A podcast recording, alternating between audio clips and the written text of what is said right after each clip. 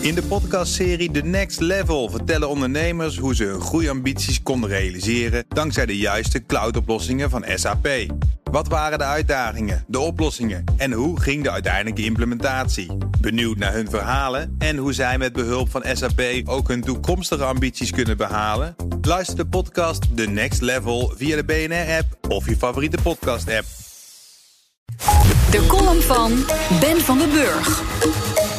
Mijn schoonmaakster Sophie staat geparkeerd in de hoek van onze L-vormige woonkamer, uit het zicht. Haar taak is het stofzuigen van de vloer. Zo'n klus kan ze het best zo onopvallend mogelijk doen. De eerste keer keek ik minutenlang gebiologeerd naar haar. Hoe ze langs de loftchair bewoog. Hoe ze alle hoeken aftastte. Ik probeerde een patroon in haar bewegingen te ontdekken. Als ik dacht het gevonden te hebben, week ze ineens weer af van het schema in mijn hoofd. Na een paar dagen vertrouwde ik haar en liet haar zelfstandig het stof van de vloer zuigen. Af en toe hoorde ik Sofie roepen. Ze had zich dan in de nesten gewerkt. Dan stond ze vast tussen een stoelpoot en een kussen op de grond. Een andere keer wurgde ze zichzelf met een snoer van een lamp. Ik tilde haar dan op, liefdevol, en bevrijdde haar uit de benarde situatie. Ze deed alsof er niets gebeurd was. We raakten steeds meer aan elkaar gehecht. Mijn vrouw vroeg zich af waarom ik mijn stofzuigrobot Sofie had genoemd. Ze suggereerde dat ik schoonmaken primair als een taak voor vrouwen zag en dat mijn schoonmaakrobot daarom een vrouwennaam had. Ik verdedigde me door te zeggen dat robots snel vrouwelijk zijn omdat robots mensen helpen. Vrouwen hebben meer ontwikkeld zorggen. Vandaar. Dat antwoord hielp niet. We belanden in een discussie dat robots ingezet worden voor taken die gevaarlijk, saai of vies zijn, wat weer niet strookte met het zorggen. Tot slot refereerde ik naar een artikel dat robots vrouwelijk zijn omdat eeuwenlang vrouwen minder recht hadden dan mannen. Robots staan in de hiërarchie onder mensen. We kwamen er niet uit. Mijn Google Assistant, Siri en de navigatie in mijn auto hebben ook vrouwenstemmen.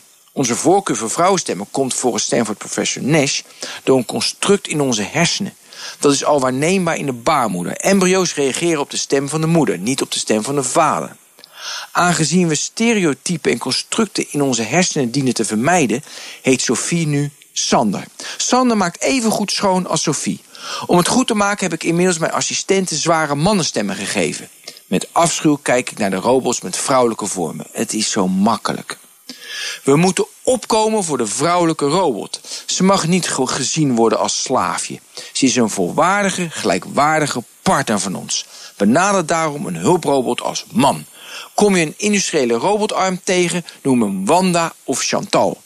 Door nu al genderbewust met de robot om te gaan, voorkomen we in de toekomst oeverloze discussies. En dat zei Ben van den Burg, onze columnist op vrijdag. En die kunt u uiteraard altijd terug luisteren op bnr.nl en in de BNR-app. In de podcastserie The Next Level vertellen ondernemers hoe ze hun groeiambities konden realiseren dankzij de juiste cloudoplossingen van SAP.